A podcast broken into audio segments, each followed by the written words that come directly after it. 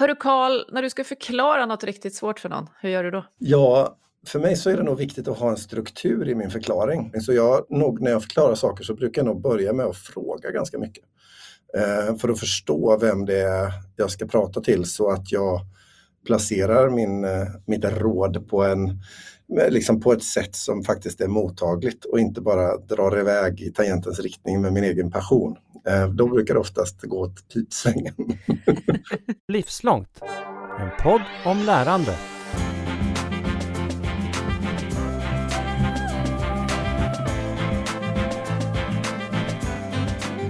Ja, vi pratar ju ofta om det här i lärande, hur, eh, vad, är det som, you teach what you got to learn, alltså hur kan du hjälpa någon ombord i ett lärande och samtidigt lära dig själv. Så.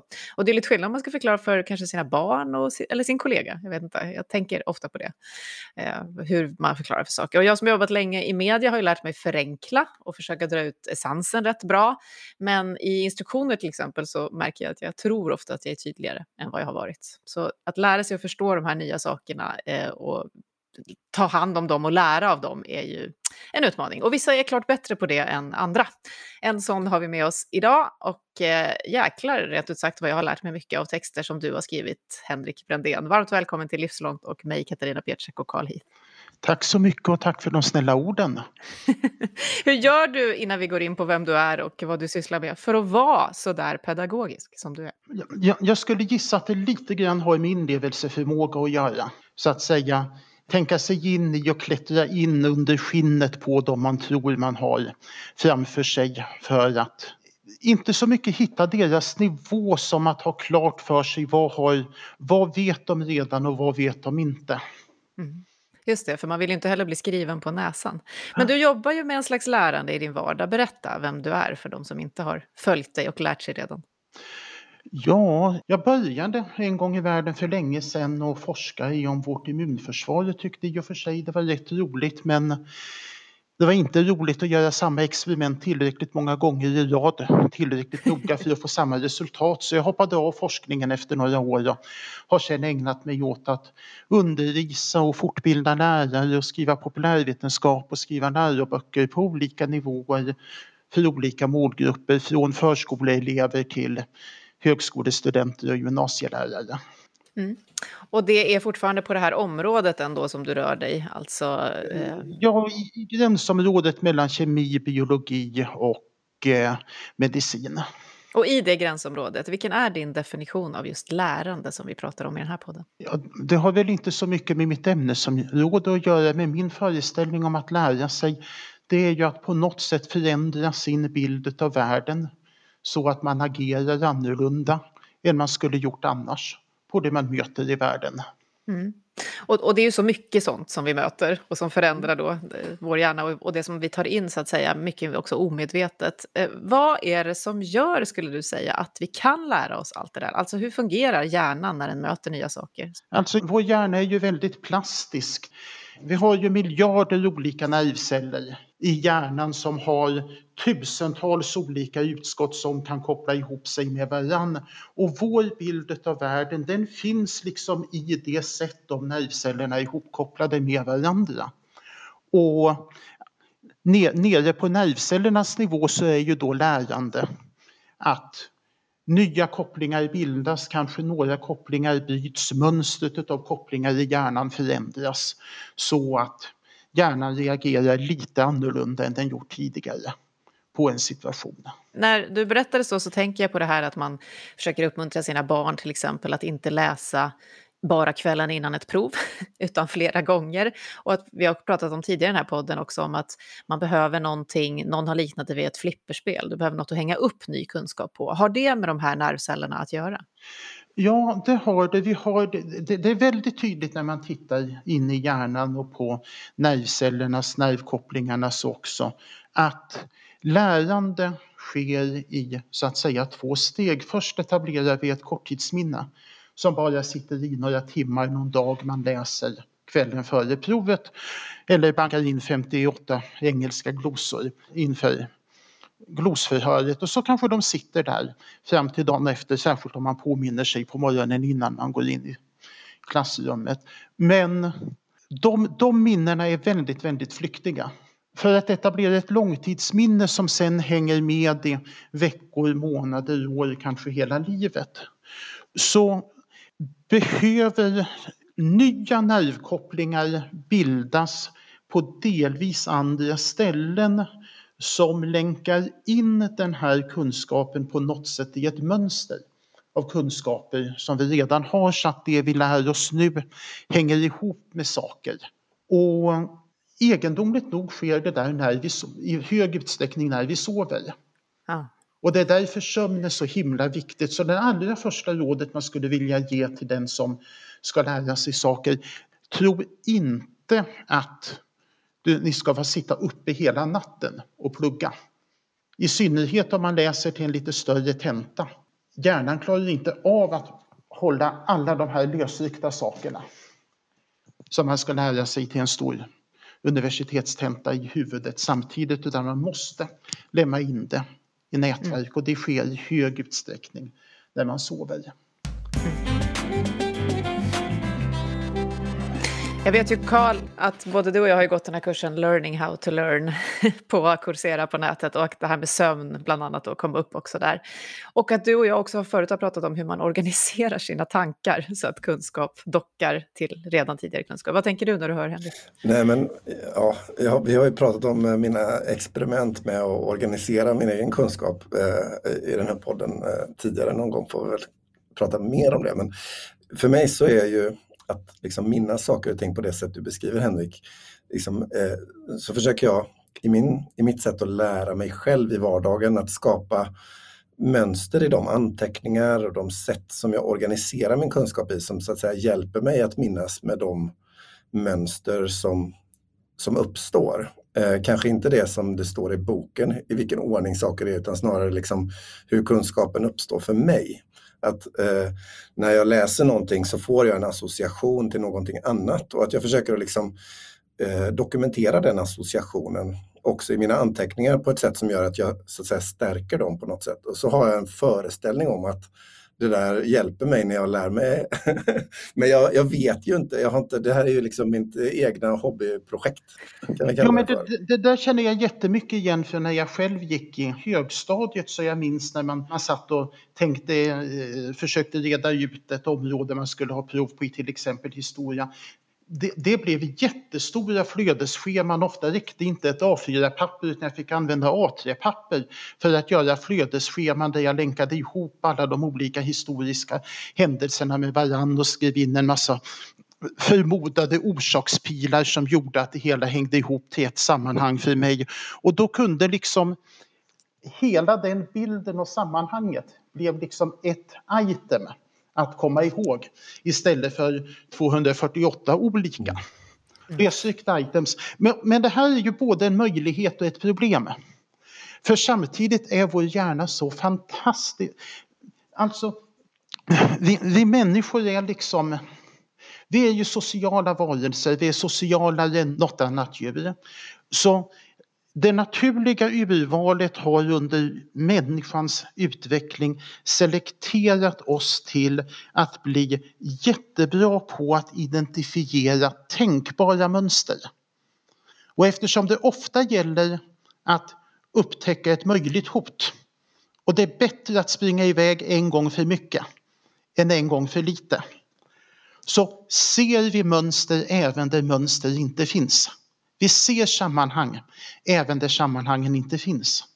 Och eftersom det dessutom är så att vi inte bara är mycket bättre på att lära oss ett mönster med ett sammanhang där allting klickar in i varann än lösryckta fakta, utan vi är dessutom ännu bättre. Vi är ännu bättre på att lära oss det här mönstret ifall det är vi själva som har byggt det. Och vi har den här förmågan att se mönster även där det inte finns. Och, och, och, och jag, menar, jag, jag, upptäcker det gång på gång när jag skriver läroböcker och sen skickar den här, lärobok, den här texten på fackgranskning. Nej, Henrik det där som du har skrivit är visserligen väldigt, väldigt logiskt men det var inte så det var.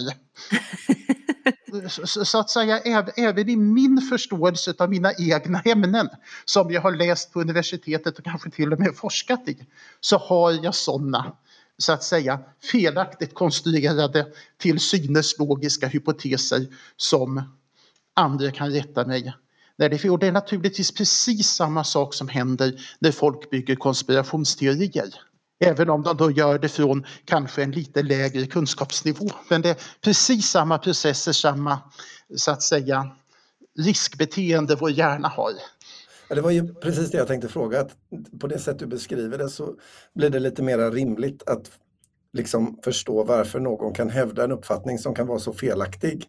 För att man själv har så att säga byggt ett mönster och att man då kanske liksom har nästan till en förlustaversion mot den kunskap som man har byggt upp på något sätt. Och att jag Visst. lever i föreställningen om att det här är korrekt och nu är det det. Och det kan närmast upplevas som ett hot att min liksom verklighet liksom min upplevda verklighet så att säga förändras på ett sätt som är, är, är kontraproduktivt eller mm. ett hot för mig. Mm. Mm. Jag tycker också att det ger en annan bild till det här ordet faktaresistens som ibland kommer upp i de sammanhangen.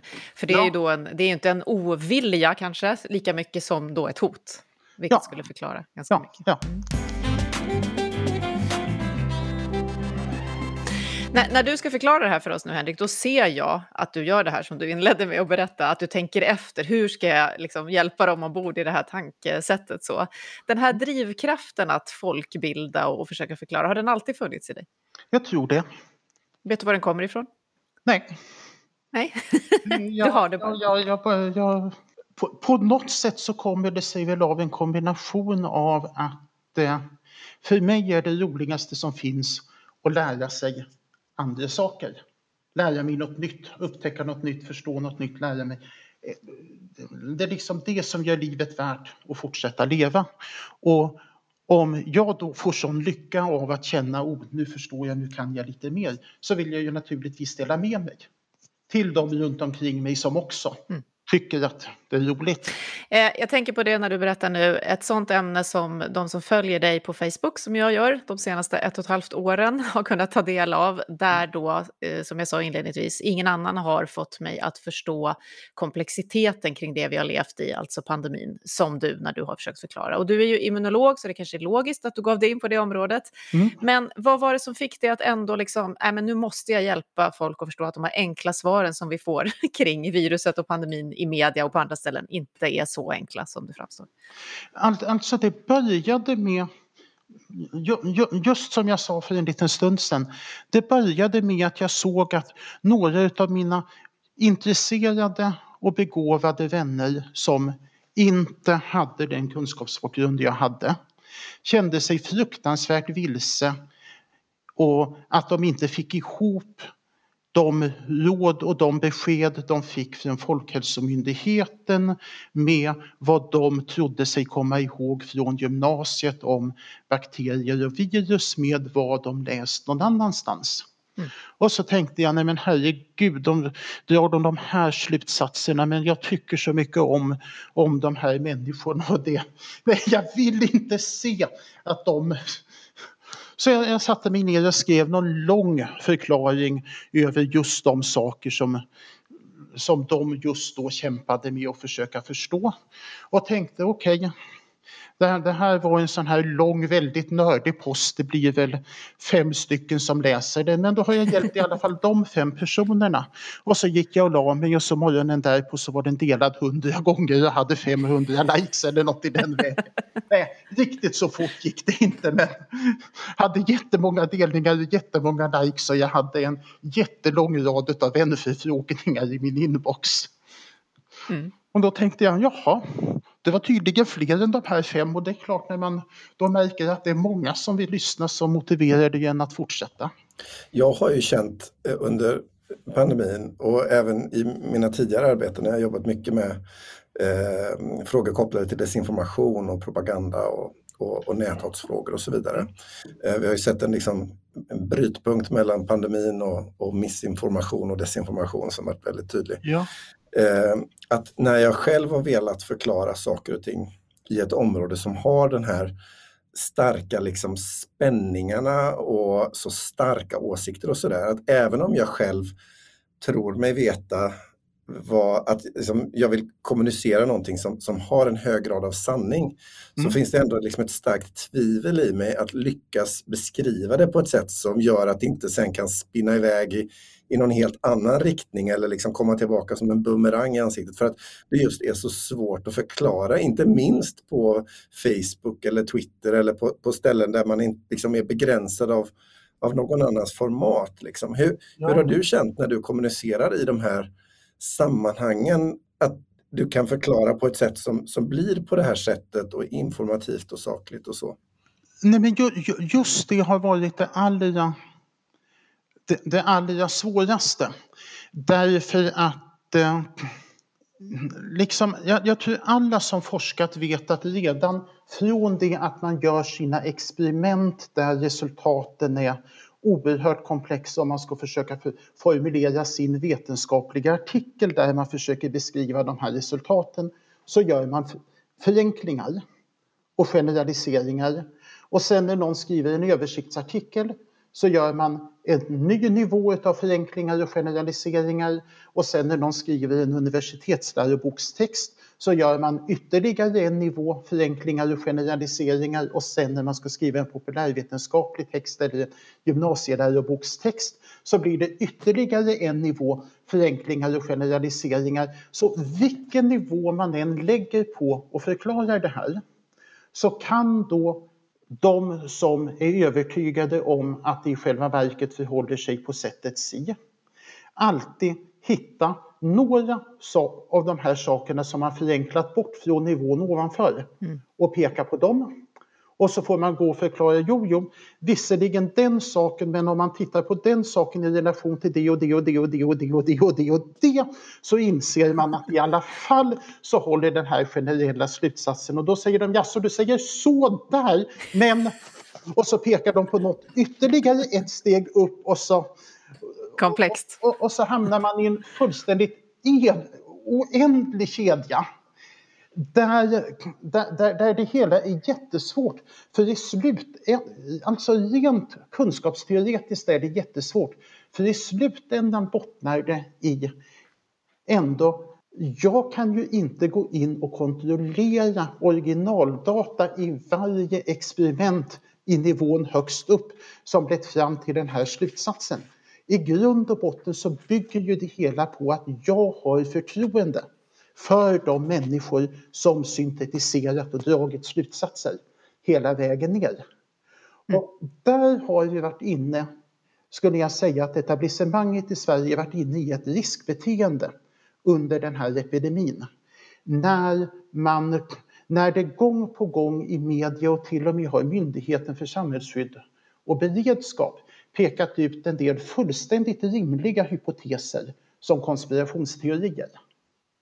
Jag tänker till exempel på när MSB skrev en rapport om att, det var, att hela diskussionen om att viruset skulle ha kunnat kommit till oss genom en läcka från ett labb var en konspirationsteori. Nej, det var inte en konspirationsteori. Det var inte den mest sannolika hypotesen, men det var en fullt rimlig hypotes som var fullt rimliga. Mm. Och, och det här du är inne på nu med den här liksom kedjan av tillit som behöver finnas för att man Ja. ska känna att liksom, ja, men det här är en trovärdig källa att jobba med. Ja. Det här är på något vis eh, utmaningarna som vi har sett i hu- hur vi porträtterar kunskap idag i vårt moderna samhälle och hur lätt det är att dela vidare eller sprida kunskap på olika sätt. Det gör att, att det ibland kan vara svårt att veta liksom, varifrån kommer detta, var, i vilken grad är det sant och inte. Och då blir ju den så att säga närmsta avsändaren som jag har tillit till en väldigt viktig aktör oavsett om det är liksom public service eller en morgontidning eller en influencer eller liksom vem det nu än kan vara för någonting. ja, precis. Och att den där liksom första aktören blir väldigt viktig för hur man liksom förhåller sig till allt det som är bakom. Liksom. Och, och där tänker jag, liksom, hur, hur ska man tänka om det? I, liksom, och hur tänker du om dig själv och din egen liksom, position och roll i, i ett sådant sammanhang? Alltså, jag, jag tror att just därför är det så viktigt att vi som i ett eller annat avseende är den här nedersta länken i den här hierarkin innan de icke-experter som läser oss. Alltså, vi, vi måste inte bara ur så att säga folkuppfostrande synpunkt besinna vårt ansvar utan också att det här förtroendet folk har för oss, det är skört. Det är lätt att förskingra. Det, det är väldigt lätt hänt att folk slutar lita på oss om de märker att vi har sagt saker som sen visar sig inte stämma. Mm. Och Därför tycker jag att det är väldigt olyckligt med den grad av tvärsäkerhet som funnits. Under den här tiden ja. I, i, I diskussionen om pandemin, i diskussionen om är vacciner farliga eller inte farliga? Nej, alltså sannolikheten för att vacciner ska vara farligare än att inte vaccinera sig, den har alltid varit fruktansvärt liten. Men den har funnits där. Och om vi då säger nej, nej, nej, vi garanterar att vacciner är ofarliga och sen visar det sig. Mm. Och du som inte vaccinerar är bara dum om ja, du får den, vad, det bemötandet. Mm. Vad, vad, vad, vad händer då med tilltron till oss mm. nästa gång vi har någonting att säga? Och vad händer med tilltron till alla andra vacciner som vi haft så länge att vi kan mm. veta att de inte har någon sån sidoeffekt och så vidare och så vidare och så vidare. Allt det här som hände då i, efter de här delningarna och det du ja. beskriver nu och ditt sätt att hantera den här tilltron fick dig ju att eh, till slut skriva en bok om det här som då fler kan ta del av, eller ja. som du håller på med. Men du har också förut skrivit en bok som jag har här på mitt skrivbord som eh, jag skulle bara vilja beröra lite medan vi hinner, som heter Själens... Själens biologi och vår fria vilja. Precis, och det talar så till mig, det där uttrycket ja. själens biologi och fri vilja. Va, vad är det för något, själens biologi? Vad, vad, vad jag försöker förklara, i bo, förklara och visa i boken är att väldigt många av de egenskaper och fenomen i oss själva som vi brukar betrakta som själsliga har så att säga jag säger inte att de bara är materiella processer i hjärnan, men de har en så att säga materiell och mekanistisk grund i hjärnan. Och vi börjar komma så långt i vår förståelse av den att vi kan börja ge beskrivningar som är liksom inte bara häftiga utan i någon mening förklarande kring vad som händer i hjärnan när vi etablerar ett minne, när vi blir förälskade, när vi blir rädda och så vidare som inte bara förklarar vad som händer då utan gör det på ett sätt som i någon utsträckning kan hjälpa oss att förstå oss själva och hjälpa oss hantera våra liv. Och det ville jag förmedla ut till en större publik. Det har funnits många populärvetenskapliga böcker om hjärnan som så att säga beskrivit så här ser hjärnan ut och så händer det en massa spännande saker på det stället när man blir förälskad och på det stället när man blir rädd. Men jag har inte varit så intresserad av att tala om var det händer som vad det är som händer och vad det betyder för konsekvenserna av rädsla för hur vi kan förhålla oss till rädsla, för hur vi kan förhålla oss till kärlek, för förutsättningarna för att minnas saker och lära sig och så vidare. Och i det här sammanhanget så blir jag ju då också väldigt intresserad av då hur det påverkar lärande. Ja. Hur viktigt är det att förstå det här mm. med hur känslor till exempel är involverade när vi pratar om lärande? Jag tror att det är jätteviktigt. Det, är, det, det, det, det finns så tydliga data som visar att somliga vi, vi har ju en rad emotionella system i hjärnan som har en enorm betydelse för vårt beteende och också för hur bra hjärnan och kroppen är på olika saker. Om vi till exempel blir rädda eller stressade eller oroliga, då slår system på som fördelar om energi i kroppen, som fördelar om blod så att blodtillförseln till hjärnan stryps och så kommer det en massa blod och syre till muskler och till hjärta och Mm. Så det är klart att när man är rädd och orolig, då är inte hjärnan i läge för att lära sig. Däremot så blir vi väldigt, är vi bra på att lära oss ifall vi känner den känsla som jag brukar kalla för nyfiken entusiasm och som ofta, ibland kallas, ofta, ofta talar man om den som motivation när det hälls ut dopamin på olika ställen i hjärnan. Då då eh, det börjar man veta till och med ner på satt biokemisk nivå vad som händer, hur det här dopaminet binder till receptorer på ytan på nervcellerna och sätter igång processer inne i nervcellerna som gör det lättare för nervcellerna att förstärka kopplingar till varandra och binda, bilda kopplingar till varandra. Så då, då ökar förutsättningarna för att lära sig. Och det där med att det är viktigt, att det är viktigt att motivera elever och studenter, det har ju alla vetat hur länge som helst. Så det är ju ingen nyhet. Men däremot så finns det ju många pedagogiska praktiker historiskt som har byggt på att man ska hota elever. Och om, du, om du inte klarar den här tentan så kommer du inte att få gå vidare eller så får du ett dåligt betyg eller så kommer vi att skicka det här meddelandet till dina föräldrar eller, eller, eller, eller. Och tittar vi i alla fall utifrån hur hjärnan fungerar så borde det göra det väldigt, väldigt mycket svårare att få in kunskapen i huvudet.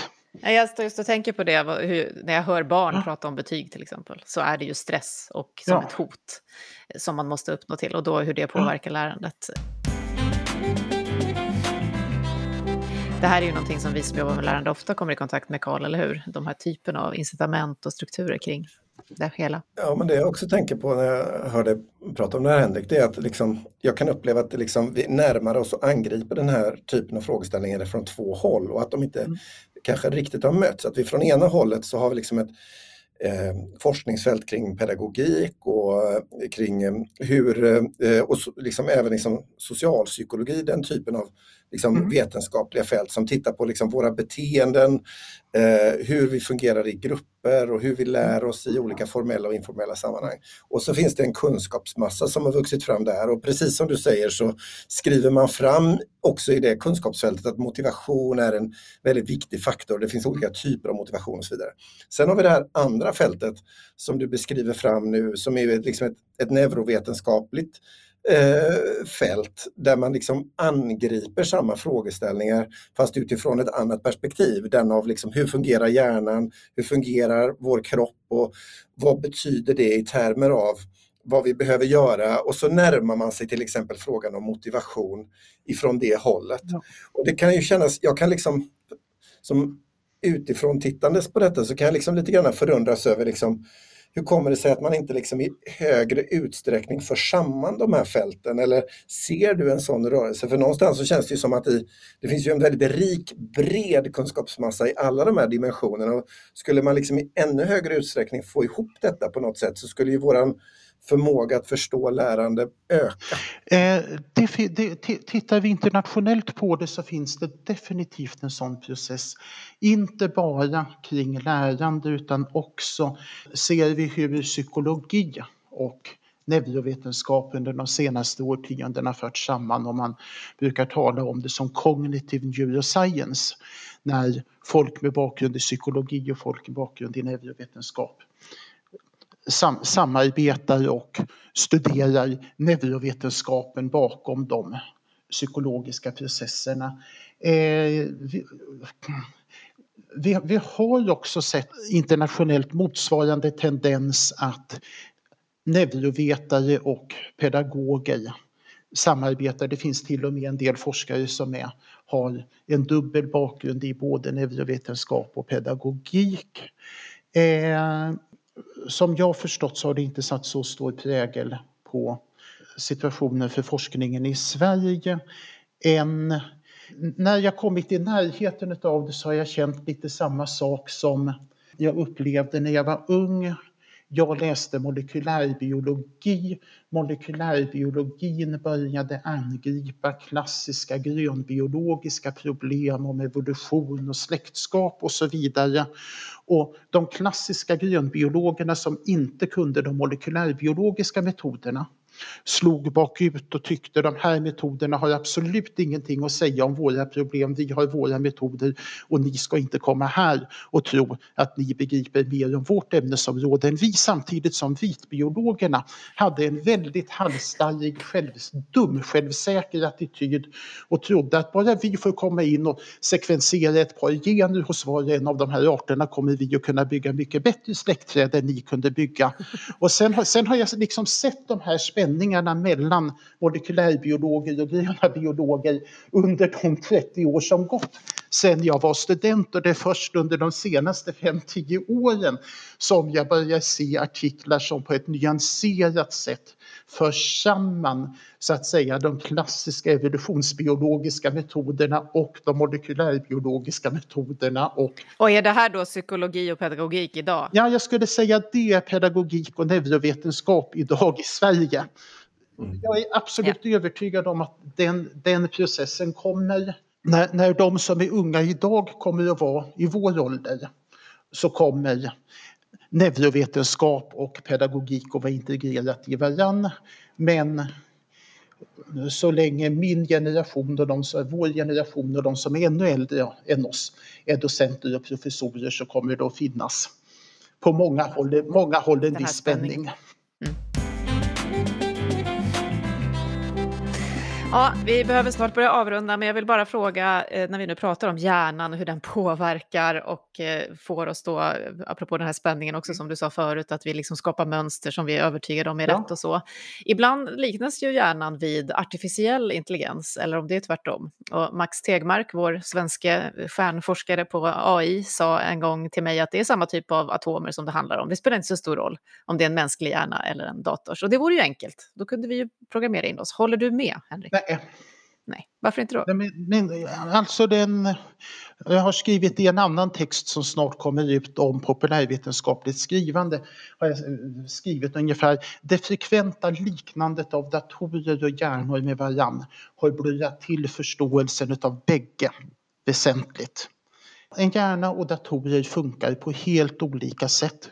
En hjärna kan inte finnas, en hjärna kan inte fungera frikopplat från en kropp.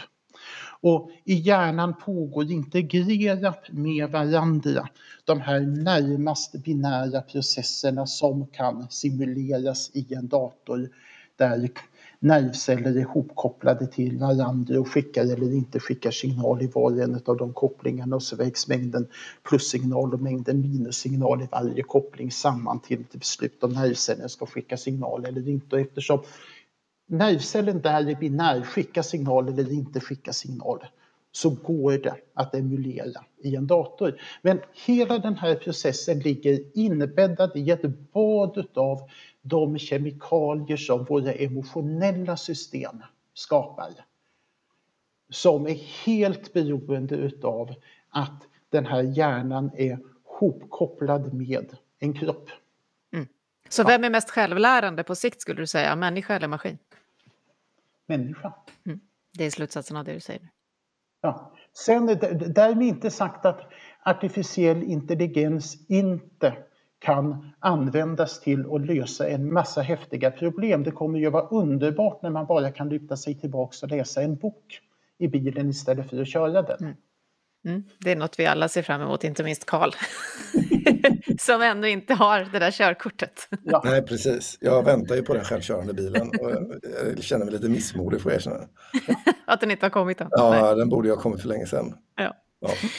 Med kunskap om allt det här som vi har fått med oss av dig Henrik och återigen har jag lärt mig massor med nya grejer. Så hur, vad är det viktigaste vi behöver tänka om livslångt lärande med botten i allt det som du har sagt för att vi ska få till det i samhället på det sätt som alla nu frågar efter? Människan är nyfiken. De allra flesta människor vill lära sig saker. Så då gäller det att få dem att komma på det, upptäcka det och börja göra det.